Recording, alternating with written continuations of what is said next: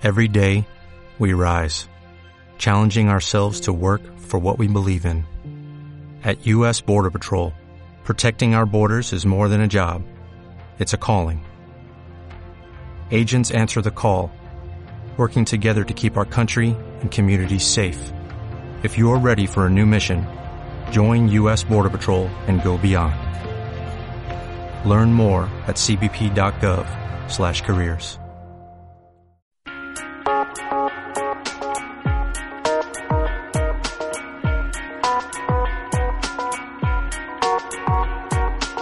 Molt bones. Avui tenim un nou programa d'emoció i superació a Ràdio Premià de Mar i a la xarxa. Us parla Oriol Lugo Real, psicòleg i coach personal i executiu. Espero que el contingut que us oferirem sigui del vostre interès, perquè el nostre únic objectiu és treballar plegats per a poder millorar la nostra salut mental i emocional. Així doncs, comencem a Emoció i Superació.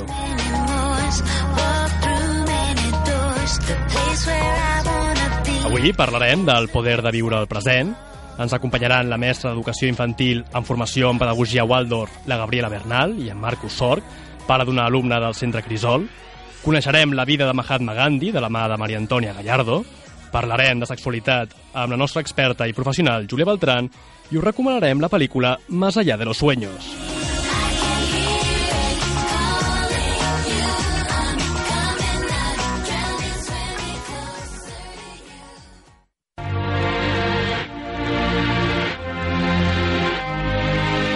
El llibre del programa, secció on t'oferim un títol de creixement personal amb consells ben útils perquè els puguis aplicar durant tota la setmana. El llibre que us portem avui es diu El poder de la hora, obra escrita per Edgar Tolle. El seu subtítol diu així, una guia per a la il·luminació espiritual. El podreu trobar en castellà per l'editorial Gaia. A la seva portada hi apareix un fons de color groc i verd amb la paraula Ahora ressaltada amb lletres majúscules. Aquest llibre és una obra escrita amb un llenguatge simple i senzill que ens ensenyarà a connectar amb la nostra pròpia essència personal. Eckhart Tolle va ser investigador a la Universitat de Cambridge i als 29 anys va experimentar una transformació espiritual. Des d'aleshores va dedicar els anys següents a comprendre, integrar i profunditzar aquesta experiència. A l'actualitat realitza conferències arreu del món.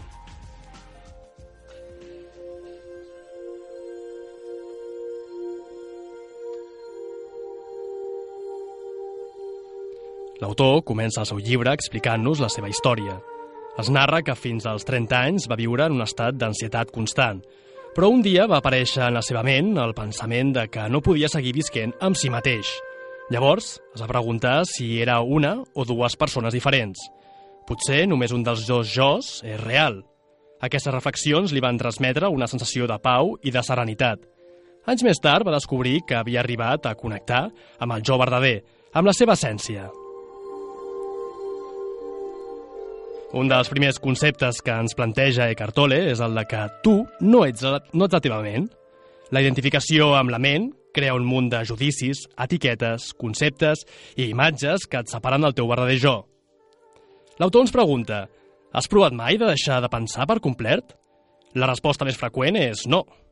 La llibertat comença quan et dones compte de que no ets els teus pensaments. En el moment en què comences a veure la teva ment com una part de tu, llavors s'activa un nivell de consciència superior. La teva ment comenta, especula, jutja, compara, es queixa. Aquesta xerrameca interna causa una enorme quantitat de dolor, infelicitat i malalties. Per ser lliures, comença a escoltar aquesta veu. Fixa't en els discursos repetitius que et dius. No jutgis la veu. D'aquesta manera, el teu jo profund sorgirà separant-se de la ment.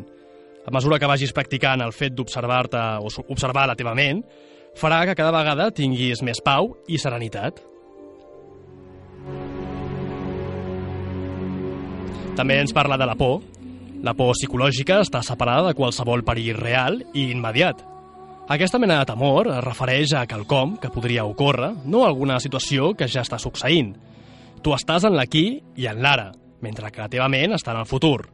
Això genera ansietat, Sempre pots afrontar el present, però no una fantasia o una projecció mental. Observa qualsevol actitud defensiva que aparegui en tu. De què t'estàs protegint? Una identitat il·lusòria? Una imatge mental? O una entitat fictícia? Ens comenta que tots els problemes són il·lusions mentals. No es tracta de resoldre problemes, més aviat es tracta de que et donis compte de que no hi ha problemes. Només hi ha situacions. Situacions que han de ser afrontades o que han de deixar-se tal i com estan i acceptar-se com a pròpies d'aquest moment fins que canvin o puguin tractar-se d'alguna forma. Existeixen situacions que han de ser afrontades o acceptades, però per què convertir-les en un problema? El que la gent diu, pensa o fa està motivat per la por. Aquesta sempre va orientada cap al futur, desvinculant-te del present. En resum, la clau del poder de la hora recau en deixar enrere la nostra ment analítica o ego per connectar amb la nostra pròpia essència.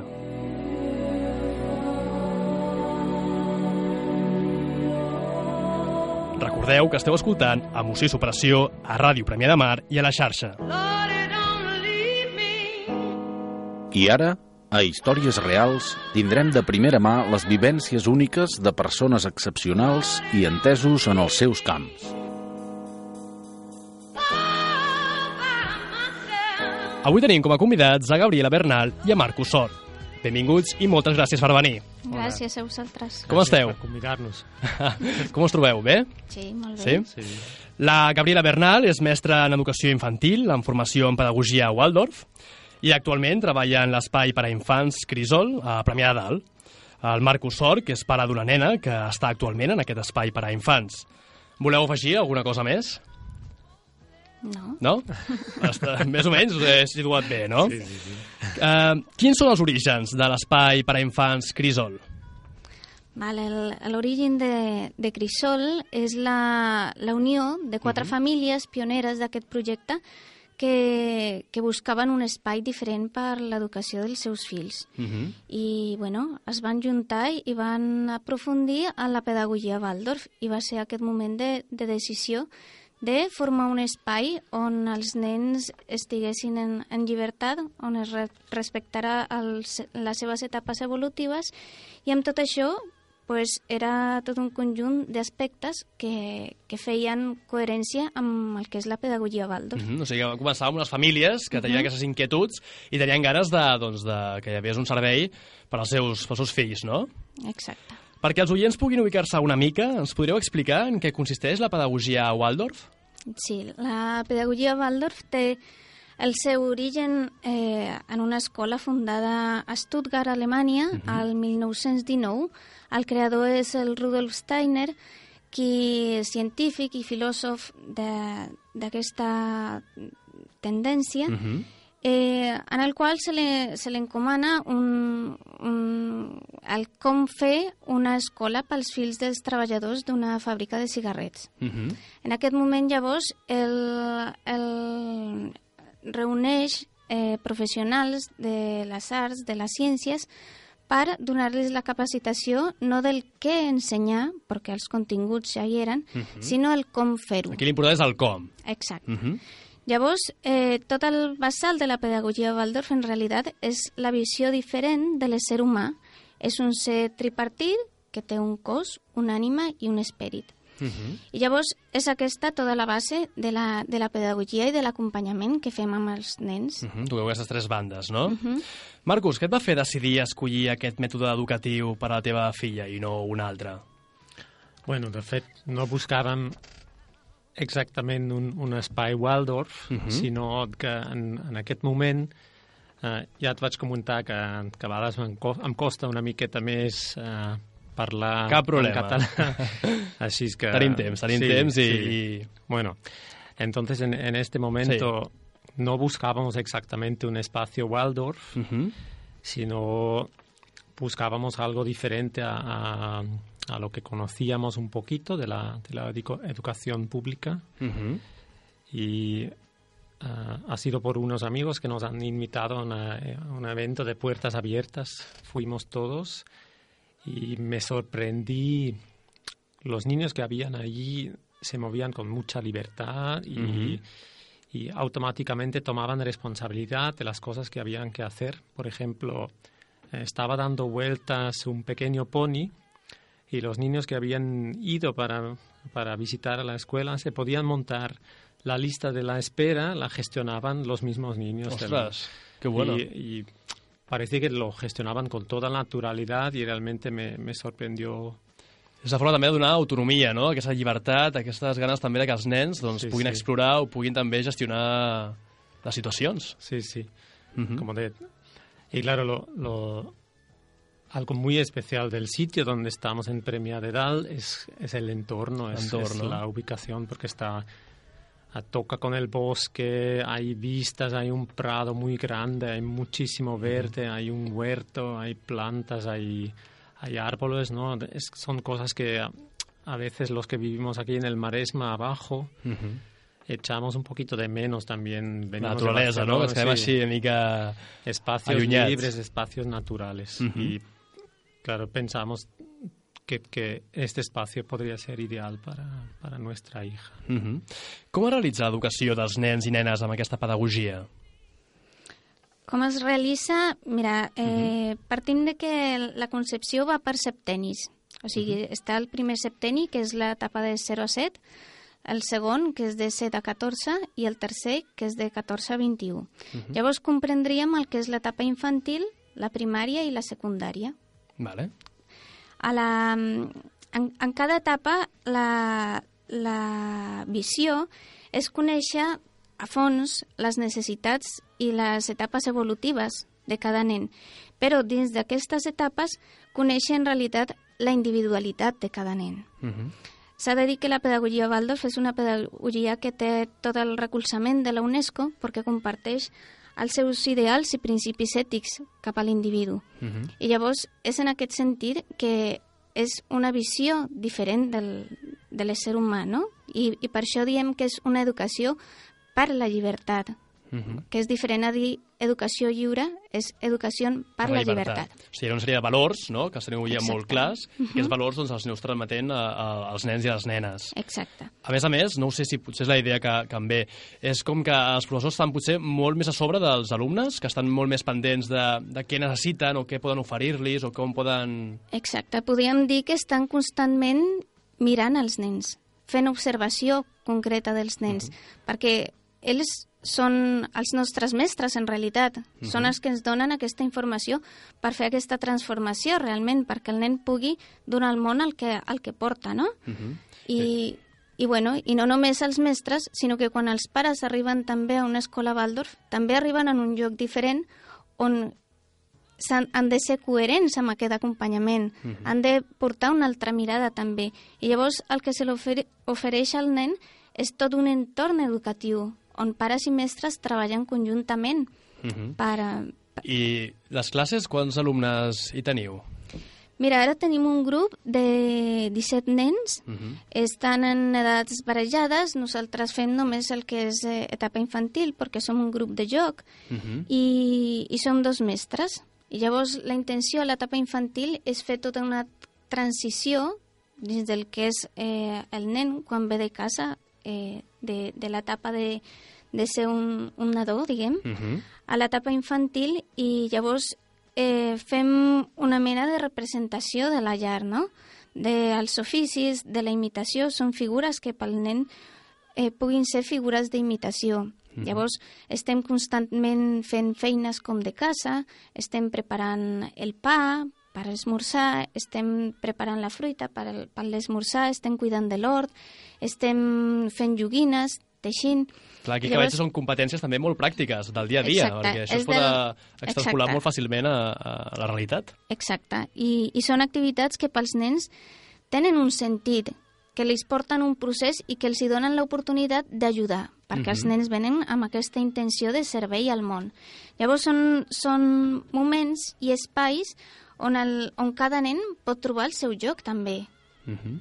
Val? Dona aquesta llibertat també perquè el nen doncs, creixi també una mica sense unes normes així tampoc molt, molt rígides, no? Exacte, Entenc que hi haurà regles, no?, per Exacte, poder sí. mantenir aquesta educació, però no són allò exacte. eh, tan, tan, tan fermes, Parlem de, de límits amorosos. no? Límits amorosos. Uh -huh. Llavors també aquí entraríem a parlar d'intel·ligència emocional? Bueno, és que està, és que està tot, tot ahí a dins. No? Tot a dins. Clar, perquè és, és, és la concepció sencera de l'ésser humà amb les seves capacitats i llavors cadascú, segons quines capacitats en té, pues, les pot desenvolupar. Llavors és quan de la pedagogia Waldorf es parla a l'art d'educar. Uh -huh. És un art. És, exacte. Uh -huh. Quines vivències has tingut amb l'educació de la teva filla, Marcos? Explica'ns una miqueta. Sí, bueno, no, no puc comparar gaire con, con com fossi la, la meva filla ara, uh -huh. si, si fos a un, a un lloc públic. Pots parlar en castellà, si vols, Sí. com et sentis còmode, Sí, sí, cap sí. problema. Pero me parece que, que un tema, sobre todo para mí, he descubierto es importante ¿Sí? y es lo de evaluar, Evaluar. porque es un sitio donde no se evalúa y no se, no se juzga. Uh -huh. ¿Dónde va mi hija ahora? Iba antes a una guardería cuando era más pequeña y ahí nos daban un informe cada semestre o así, donde decían em, comportamiento social eh, mejor que la mayoría o que el promedio.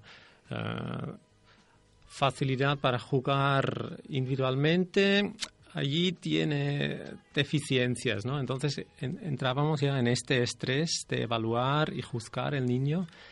Yo creo que, y notábamos que de repente eso cambiaba la relación que teníamos con nuestra hija, ¿no? Porque tú de repente te afrontabas con que tu hija tenía deficiencias que, no- que tú no eras consciente y, y a mí ahora retrospectivamente, retrospectivamente ¿Sí? me provocaba un estrés, ¿no? Ujú. Porque dices, uy, uy, no, pero entonces, ¿qué podemos hacer para que nuestra hija em, sea igual de, de bien como los demás para jugar individualmente? Clases extraescolares y, ¿no? y con, con una niña de un año y medio. Sí, sí, sí, que a veces hay la presión No, esta, sí, ¿no? De sí. las notas. No, yo creo que sobre todo es un, es un tema importante que ahí donde va ahora no se le juzga, no se evalúa, no tiene objetivos que cumplir y es como un relax, ¿no? Y ella se puede desarrollar según sus necesidades, según su, sus ganas, su, su curiosidad. Yo creo que en eso se, se nota mucho que también, y creo que se está muy estudiado, estudiado que esta época de la infancia es muy importante para toda nuestra vida, porque es el fundamento psicológico para, para el resto de nuestra vida. Y si ahí ya empezamos a, a mermar lo que es el autoestima, por poner, por comparar, por comparar, por juzgar, por evaluar y decirle al niño y a sus padres que el niño no cumple con unas normas, creo que influye mucho en, en- en cómo será esta persona luego de adulta. Ujú. ¿no? Sí, que, que últimamente se está hablando mucho sobre si en las escuelas tendría que haber notas o no. Y También cómo cómo- se evalúa, ¿no? Si lo de los números, Sí. lo de las palabras. qué hacen las notas con las personas, qué hacen con... ¿no? Ujú. Y bueno, sobre todo este aspecto me, me parece, a mí personalmente me parece genial. Y noto que también que ella realmente se mueve con, con muchas ganas, con libertad, con, y se siente como aceptada tal, tal como es, ¿no? Algo que creo que és, que és para mi personalmente muy importante. Mhm. Quina és la presència de la pedagogia Waldorf al nostre país? Creieu que hi ha, bueno, que hi ha moltes escoles o, o que potser és una cosa que està ara creixent? Mira, actualment eh, l'escola més, la pionera i la més antiga és a Madrid, és l'escola Lliure Micael, Mhm. bueno, Libre Micael, perdó. Sí? Eh, I a Espanya n'hi ha unes, unes 30, 30 escoles, a Catalunya n'hi ha 10, 10 iniciatives, n'hi ha 3 d'escoles en primària, i, i la intenció és que el 2014 puguem tenir secundària a Bellaterra, que és l'escola pionera de Catalunya. Mhm. Eh, no és un camí, un camí fàcil, Mhm. s'ha de dir, i, i sempre diem que, que així com a, pel nen el que fem és un treball de, de voluntat, perquè ha de ser ell qui descobreix el, el coneixement i, i com funcionen les coses i el món, pues, també és una voluntat en aquest sentit de, de un, una mica de lluita, no? Mhm. perquè el que, el que està bé ara és que jo crec que a tot arreu estem una mica cansats del que està passant Mhm. i potser sigui una oportunitat per al, perquè la gent busqui unes altres maneres de viure, d'acompanyar els seus fills i de, i de desenvolupar-se els mateixos en, en, en l'educació, no? És que és una responsabilitat de tots, no és... Sí, sí. Mm. Quins, quins paper té la família i els professors en aquest procés educatiu? Com vulgueu. bueno, és que són els dos pilars de la, de la pedagogia Waldorf, en realitat. Mm -hmm no existeix una cosa sen sense l'altra. O sigui que es fomenta, no?, que hi hagi una comunicació, una bona relació també entre sí. el professorat sí. i, i, la, i les famílies? Sí, no només n'hi ha una relació molt propera perquè acompanyem els nens durant molts anys. A mhm. l'etapa infantil estem tota l'etapa amb ells, a l'etapa primària està tota l'etapa primària i a la secundària també la persona coordinadora, diguem, del grup, pues, també els acompanya. O sigui que n'hi ha una relació molt propera amb l'alumne, però també amb les famílies, perquè es tracta d'això, de crear-li al nen eh, un entorn educatiu. I no només és una, una relació propera, sinó que n'hi ha una relació de, de treball i de, de, de col·laboració amb, amb el que és l'escola i en aquest cas amb l'associació. Uh. -huh. Els pares s'ocupen de tota la part administrativa, econòmica i, i física com tal uh. -huh. del, del lloc i el, els mestres pues, de la part pedagògica interna, diguem. I treballem conjuntament. I és això el que el nen pues, li arriba, no? Que és tot un entorn el que l'està educant. Que no és només la figura del professor, sinó que és aquest tipus de, de, de, de l'esfera completa. Uh -huh. Exacte. Uh -huh. A més a més, també realitzeu activitats diverses, com conferències i tallers, no? Uh -huh. En què consisteixen aquestes activitats? Mira, eh, generalment eh, són obertes al públic, sí? són, fem conferències i tallers de, que van molt també enfocades a, a les arts i a les manualitats, perquè és, és una part que recolzem molt. Uh. -huh. També n'hi ha de continguts també educatius i mèdics que, que acompanyen a la pedagogia, uh. -huh. vale? I, i la veritat és que serveixen per donar una altra visió del tot el que n'hi ha al voltant d'aquesta pedagogia, que no és només un mètode eh, educatiu, mm -hmm. sinó que... Eh, Va molt més enllà. Un, sí, té un, tot un ventall de, de, bueno, d'acompanyants. Mm -hmm. I com seria llavors l'adaptació, per exemple, d'un alumne que ha estat format en pedagogia Waldorf i que, bueno, un cop acaba els seus estudis en aquest, en aquest espai, mm -hmm. doncs vol estudiar una carrera universitària o mm -hmm. potser canviar de centre? Mm -hmm. Com seria aquest procés de, de canvi? Mira, el procés, jo, jo et, puc par eh, et puc parlar del que és l'adaptació a la primària, com que tenim infantil uh -huh. i hem vist aquest camí. Vale. També et puc parlar una mica del, del pas a la secundària i, i tal, perquè en realitat és el mateix en, en diferent proporció, no? Uh. -huh. Diguem que l'adaptació és la mateixa que, que, que pot patir o gaudir un nen eh, de qualsevol lloc n'hi ha adaptacions que, que per regla són de tres mesos, diguem, uh mhm. -huh. on, on ja està ficada en el, en el sistema que, que pertoqui, no? Però el que s'ha de dir és que el nen, quan, quan surt amb la seva etapa infantil, on ha estat cuidat amorosament, ha estat cuidat a la seva individualitat, ha estat cuidat en un entorn educatiu, el nen el que està fent és agafar forces és recolzant tot el, el seu cos físic, uh mhm. -huh. perquè a l'etapa infantil no ensenyem ni números ni lletres, sinó que donem l'oportunitat de que el nen visqui totes les oportunitats físiques uh mhm. -huh. per viure el coneixement des de la vivència, des de lo físic. I llavors, el que, amb el que arriba el nen és amb unes ganes brutals d'aprendre, uh mhm. -huh.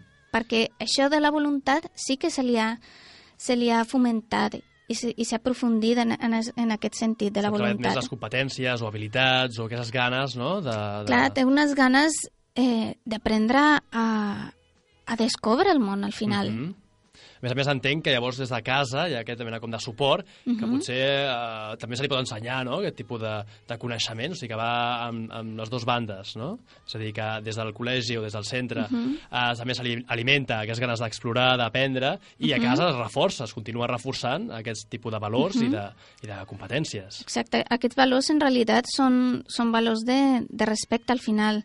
Al nen no se li ha d'insistir massa en que, en que vagi i explori, no? El, mm -hmm. Ja ho fa per si mateix. Però, però sí que, que n'hi ha tot un acompanyament i fem xerrades pels pares i, i reunions i visites a casa també, mm -hmm. per donar també aquest suport de, de coherència amb el que estem fent al grup de joc i en el que, està, el que fa la casa, no? Què opineu, per exemple, del fracàs escolar? Un tema que s'ha comentat extensament a l'educació del nostre país. Uh -huh. Quina és la vostra opinió? Ja, jo vaig escriure ara un article per, per la nostra revista que tenim interna uh -huh. i, bueno, allí, claro, me he metido un poquito en estadísticas y todo este tema. Uh -huh. Yo creo que Sí, hay todo un tema estadístico, qué porcentaje de niños tienen una tendencia de sufrir el fracaso escolar, pero yo creo que por detrás está un poquito el problema de que en el sistema actual no preguntamos o no nos preocupamos demasiado por la felicidad del propio niño. Uh -huh. ¿no? Se, se marcan unos objetivos que el niño tiene que cumplir pero que el niño sea feliz y contento y, y que desarrolle una autoestima alto y una voluntad fuerte uh -huh. no está dentro de estos objetivos. ¿No? Entonces, automáticamente pasan, pasan uh -huh. estas coses. El hecho de, de trabajar o de fer el tema aquest també d'intel·ligència emocional, que el nen pugui arribar a gestionar les seves emocions i el seu uh -huh. entorn, no? Seria una miqueta uh -huh. en aquesta línia, no? Yeah. Uh -huh. Yo tengo, tengo amigos que, que, tienen un, yo diría que tienen un caso de fracaso escolar, uh -huh. porque la, tienen una niña que ahora tiene 12 años y todavía no lee. Y ha pasado no sé cuántas horas, semanas, semanas y semanas y semanas en clases donde uh -huh. se suponía que tendría que haber aprendido a leer y con 12 años todavía no lee. Entonces, claro, hay un problema con, supongo que con la niña, uh -huh. pero también, ¿no? Si dices que ha pasado tanto tiempo, miles de horas, intentando aprender a leer, entonces algo tiene que no funcionar también por el otro lado. Puede que haya de alguna o... forma, uh -huh. esta niña y, y el, los intentos de enseñarle a leer no han, no han podido conectar. Uh -huh. Y ahí, ahí es lo interesante. ¿Qué ha pasado ahí? ¿Qué pasa? ¿Por qué no han conectado? Uh -huh. Lo más, lo más probable es que la niña no tenía ganas de aprender a leer. Y como no se no interesan las ganas de, de descubrir y, y, la curiosidad, uh -huh. claro, se le intenta enseñar y enseñar y enseñar otra vez a leer, pero como no, a lo mejor no le interesa, no, uh -huh. no el cerebro automáticamente descarta todo lo que no nos interesa Totalmente, es un poco trabajar sí, la motivación y esas ganas, ¿no? Por uh -huh. el conocimiento y también por aprender. Per anar, anar tancant, com pot la gent posar-se en contacte amb el centre per tal de rebre informació o conèixer de, de primera mà? Sí, doncs tenim el, el nostre telèfon, sí? a la nostra web també. Molt bé. Eh, a la web també s'ha de dir que, que n'hi ha informació de la pedagogia, uh -huh. del del el que fem. Vale. A veure, és eh, www sí. crisol uh -huh. guió mig waldorf.org uh -huh. Perfecte. Doncs moltíssimes gràcies per tenir-vos aquí, Gabriela i Marcus. Realment molt interessant el que ens heu explicat. Avui hem vist a més a prop, de la mà de Gabriela Bernal i de Marcus Sorg, l'àmbit educatiu. Concretament hem conegut la pedagogia Waldorf, un sistema pedagògic basat en l'atenció actualitzada de les necessitats del nen o nena, segons l'edat, el temps i el lloc on es trobi. Ens quedem amb les experiències i vivències de la Gabriela i del Marcus. Gràcies per la vostra visita i recordeu un cop més que si voleu posar-vos en contacte amb l'Espai Crisol ho podeu fer a través de la seva web, que és... www.crisol-waldorf.org Molt bé. Doncs adeu, moltes gràcies i que vagi molt bé. Moltes gràcies. gràcies frases que ens fan pensar i discursos que ens omplen el cor. Però sabem d'on venen i el per què de qui les va dir? Tot això i més a Frases que ens inspiren.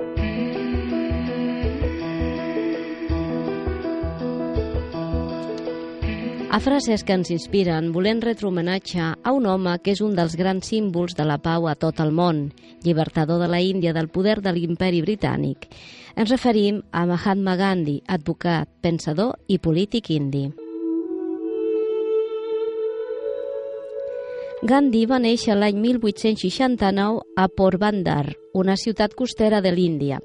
La seva família pertanyia a una molt bona casta de comerciants. De jove no era molt bon estudiant, tot i que va aconseguir llicenciar-se en dret a la University College de Londres. Al retornar a la Índia no va trobar molta feina en el món de l'advocacia, ja que es tractava d'una professió sobre, sobresaturada. L'any 1883 va firmar un contracte de treball per un any amb una companyia índia que operava a Sud-àfrica. Allà va aprendre sobre la resistència pacífica i la desobediència civil però van ser les experiències d'humiliació per part de la gent blanca del país les que van acabar de definir el seu caràcter de defensor dels oprimits. A Sud-àfrica va organitzar la comunitat índia i va intentar lluitar contra els racismes dels homes blancs, convertint-se així en un gran líder. El 1915 va, va retornar a la Índia i va protagonitzar les primeres protestes no violentes contra l'ocupació britànica, con la famosa Marxa de la Sal.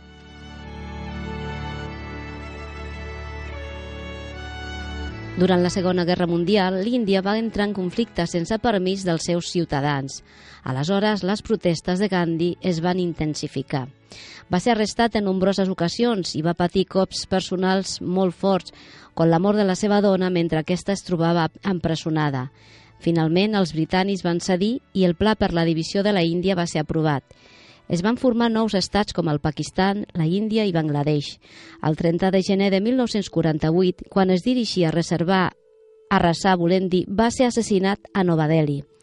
Algunes de les seves frases més conegudes són La violència és la por als ideals dels altres. Ull per ull i tot el món acabarà sec. No hi ha camí per a la pau. La pau és el camí. Un covard és incapaç de mostrar amor. Fer-ho està reservat per als valents. Si vols canviar el món, canvia't a tu mateix. Lo més atroç no són les coses dolentes que fa la gent malvada, sinó el silenci de la gent bondadosa.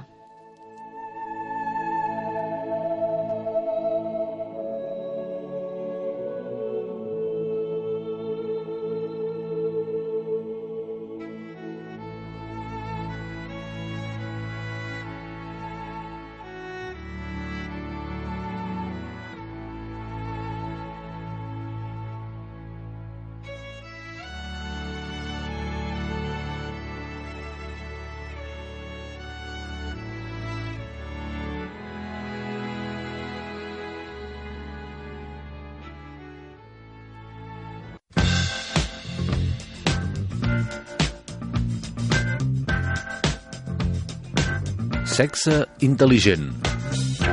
Un espai per parlar de sexualitat, salut, mites, parella i consells d'allò més picants amb un toc d'humor. I ara parlarem de sexe intel·ligent amb la nostra professional i experta, Júlia Beltran. Molt bones, com estàs? Hola, Oriol, molt bé. Què ens portes avui? Doncs mira, avui us porto un mite que m'encanta. Mm -hmm. I es diu, ells sempre tenen ganes. Molt bon mite. Veurem una mica què és cert i què no. Vale. Després també parlarem de com incideix el tabac i l'alcohol en la Mhm. nostra salut i en la nostra salut sexual. Mhm. Per tercer lloc parlarem del desig. Misteri, misteri. El desig. I per últim, una mica com escollir la millor joguina com a complement Mhm. a les nostres relacions. Molt bé.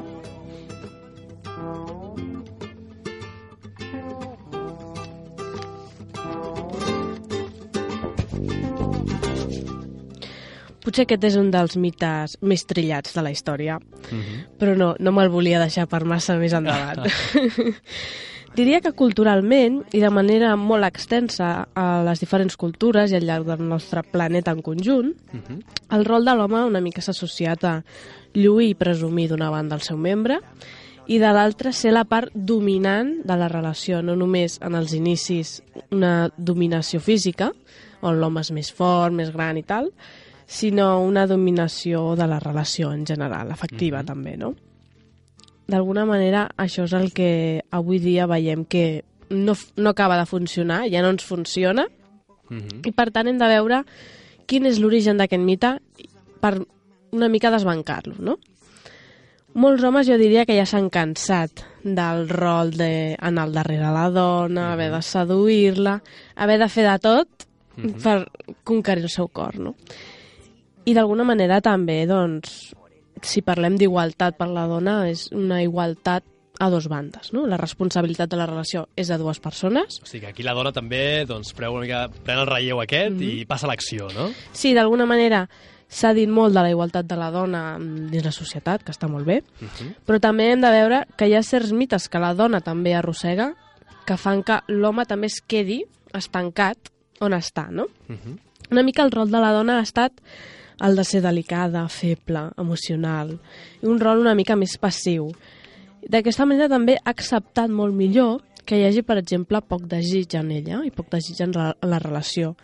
D'alguna manera, si tenim d'una banda el rol de l'home com a el potent de la relació i el dominant i el rol de la dona com la més feble i la més passiva, doncs això d'alguna manera xoca brutalment I tant. i trobem relacions que no funcionen, no? Així. Uh -huh.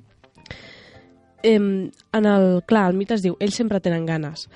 Probablement un dels motius que fa que aquest mite persisteixi és la visió en què sempre ha d'anar darrere la dona, que la dona s'ha de fer de rogar, no?, d'alguna manera.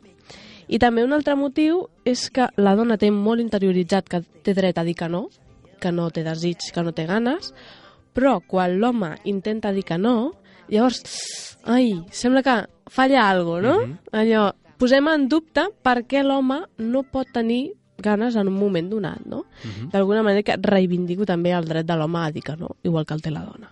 Uh -huh. En conclusió, encara que no us ho sembli, a vegades els homes no tenen ganes. o sigui, deixem-nos no tenir ganes. I d'alguna manera també ser conscients que si la falta de ganes en qualsevol persona és puntual, podem detectar el fet que provoca aquesta, la, fa- la falta de desig, la falta de ganes, doncs és bo saber què ens està passant.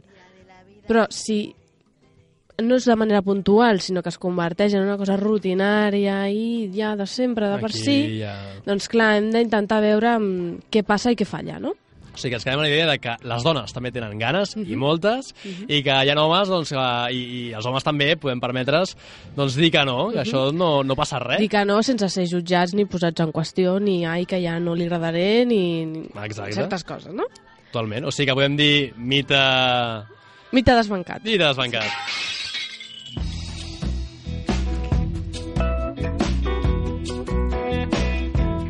I'm too foggy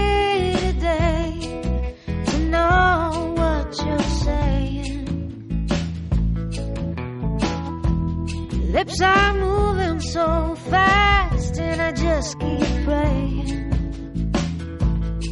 for them to slow down so I can make some. El tabac i l'alcohol són dos dels grans ajudants en negatiu Uh -huh. i estan també entre les causes de disfuncions erèctils i risc d'impotència. L'abús de l'alcohol eh, actua com a depressor del nostre sistema nerviós, de manera que redueix la sensibilitat dels nostres genitals, causa, pot causar cansament i somnolència, i en concret també redueix els nivells de testosterona, provocant també aquesta dificultat per mantenir la- l'erecció o mm, de cara a una ejaculació precoç o retardada. Hem de tenir en compte que els components del tabac van obstruint les nostres artèries, Uh -huh. de manera que no permeten un bon flux de sang. Això no només ens comporta problemes vasculars, sinó que a l'hora de tenir l'erecció, a l'hora d'excitar-nos, també ens provocarà problemes. Portar una dieta equilibrada mm, és molt important, no només de cara a la nostra salut física en general, sinó també doncs, el- que diem, no? una millor satisfacció sexual, una, un poder, un tenir ganes, un poder fer, Uh -huh.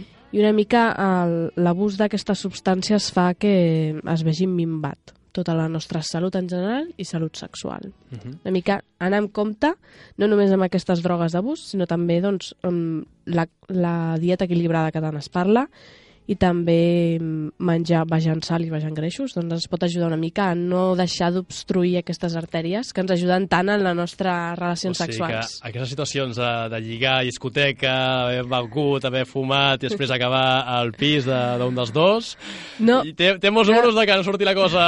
molts cops falla, perquè clar, si et passes amb l'alcohol, després allò no s'aixeca, Allò- irremediablement, eh? Uh -huh. Hem d'anar a compte, sí. No, no abusar d'aquestes substàncies. Uh -huh. Una miqueta va bé, ens posem una mica contentets i tal, però també tenim en compte que és un depressió, ens pot agafar son i ens pot acabar de fallar el plan. Uh -huh.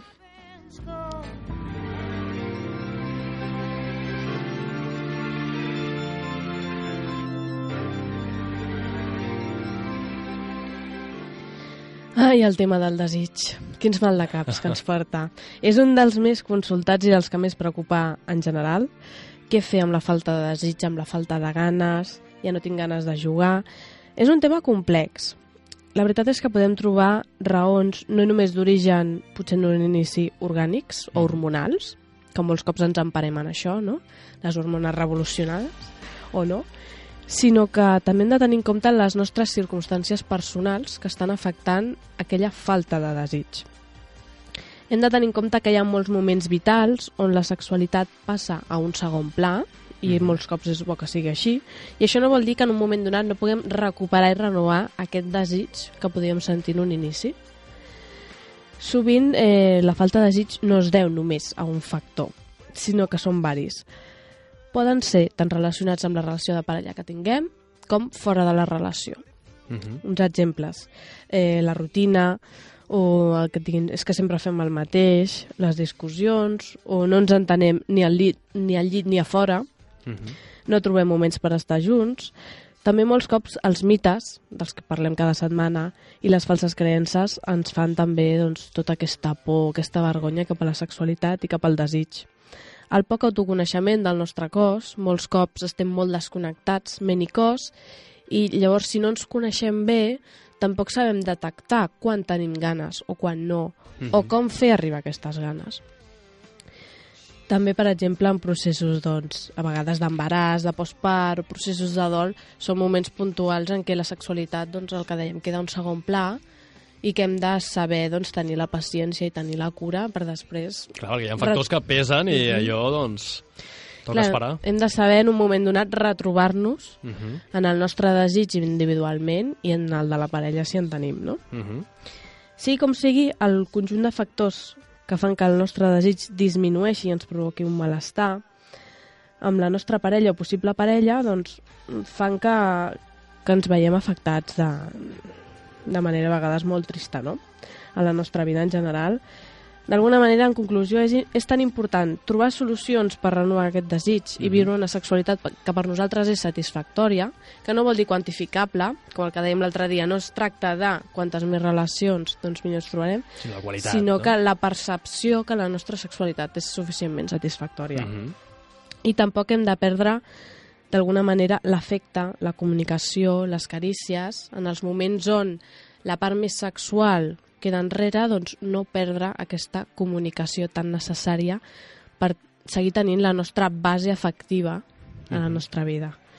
D'alguna manera seguir avançant en aquesta base i, i seguir renovant-nos i seguir evolucionant com a persones amb la nostra sexualitat, amb la Mhm. que hem nascut.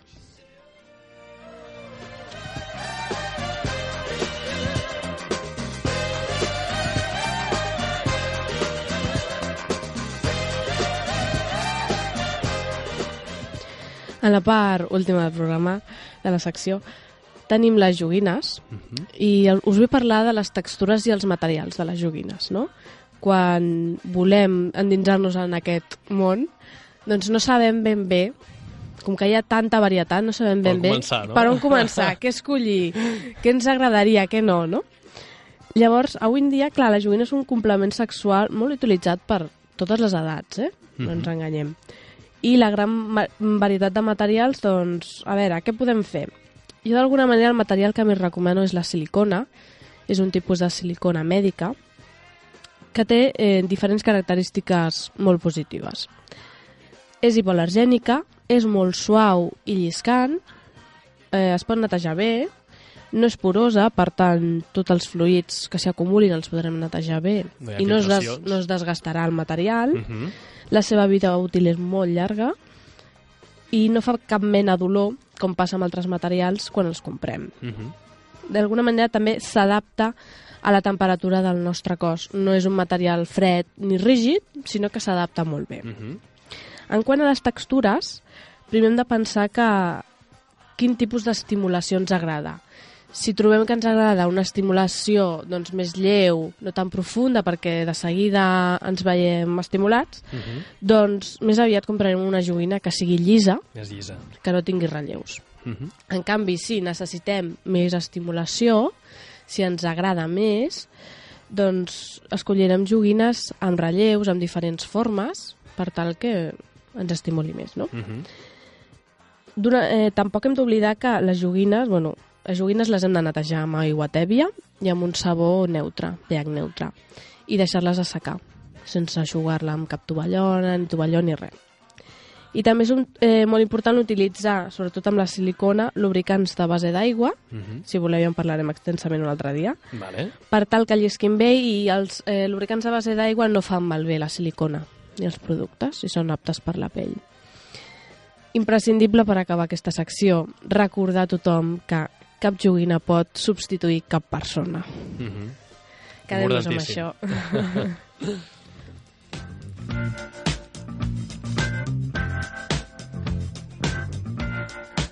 Gràcies pels consells que ens has donat, Júlia, i a vosaltres, oients de Ràdio Premià de Mar i de la xarxa, us convidem a que els proveu durant aquesta setmana.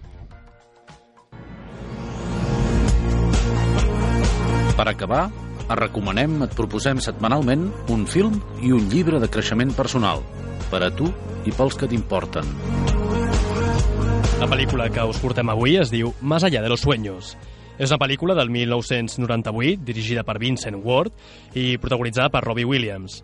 El film està basat en la novel·la de Richard Mason i explica la vida de Chris Nielsen, Robbie Williams, el qual viu amb la seva esposa i els seus fills d'una forma tranquil·la i feliç. Després de la pèrdua d'aquests, la seva dona entra en una profunda depressió. Poc temps després, en Chris perd la vida en un accident de trànsit i és llavors quan comença el seu recorregut pel cel. Un cel fet a mesura, amb totes les seves fantasies, il·lusions i esperances. La trama se centra en l'aventura de Chris, el qual lluitarà per rescatar la seva dona de l'infern, fent tot el possible i més. Escoltem un fragment de la pel·lícula. Quizá no quieras quedarte, Chris. Es tu funeral. Estoy sorprendido. Ahora estás realmente nebuloso. con el Creador. Así nos lo ha enseñado el Evangelio. Por lo menos quieres verte a ti mismo. Estás perdiendo el miedo. Miedo. Hoy hemos venido a la casa del Por haber desaparecido. para orar por un alma Pero no lo has hecho. Solo has muerto. Una mujer que perdió a sus dos hijos hace tan solo cuatro años. Cada día en oraciones. Una obra que ens mostrarà una visió molt subjectiva sobre el que ens espera després de la mort i que, a més a més, ens ensenyarà valors com la tenacitat, l'amor i l'entrega. Us deixem amb una cançó de la pel·lícula.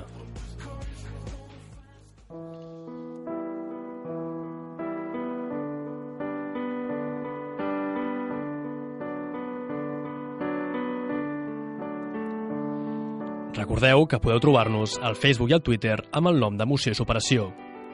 Moltes gràcies per haver estat al nostre costat aquesta hora. Emoció i superació no hauria estat possible sense l'esforç i la dedicació de tot un seguit de persones. Gràcies als nostres convidats, Gabriela Bernal i Marcus Sorg, per haver compartit les seves experiències i els seus projectes a futur. Gràcies per les frases que tant ens inspiren de Maria Antònia Gallardo. Gràcies per les explicacions i els consells sobre sexe, salut i relacions de Júlia Beltran. Gràcies per la fantàstica gestió i control del so de Carla Soler. Us ha parlat Oriol Lugo Real, qui amb gran satisfacció ha dirigit aquest programa i l'ha redactat. Que passeu una molt bona setmana i sigueu feliços.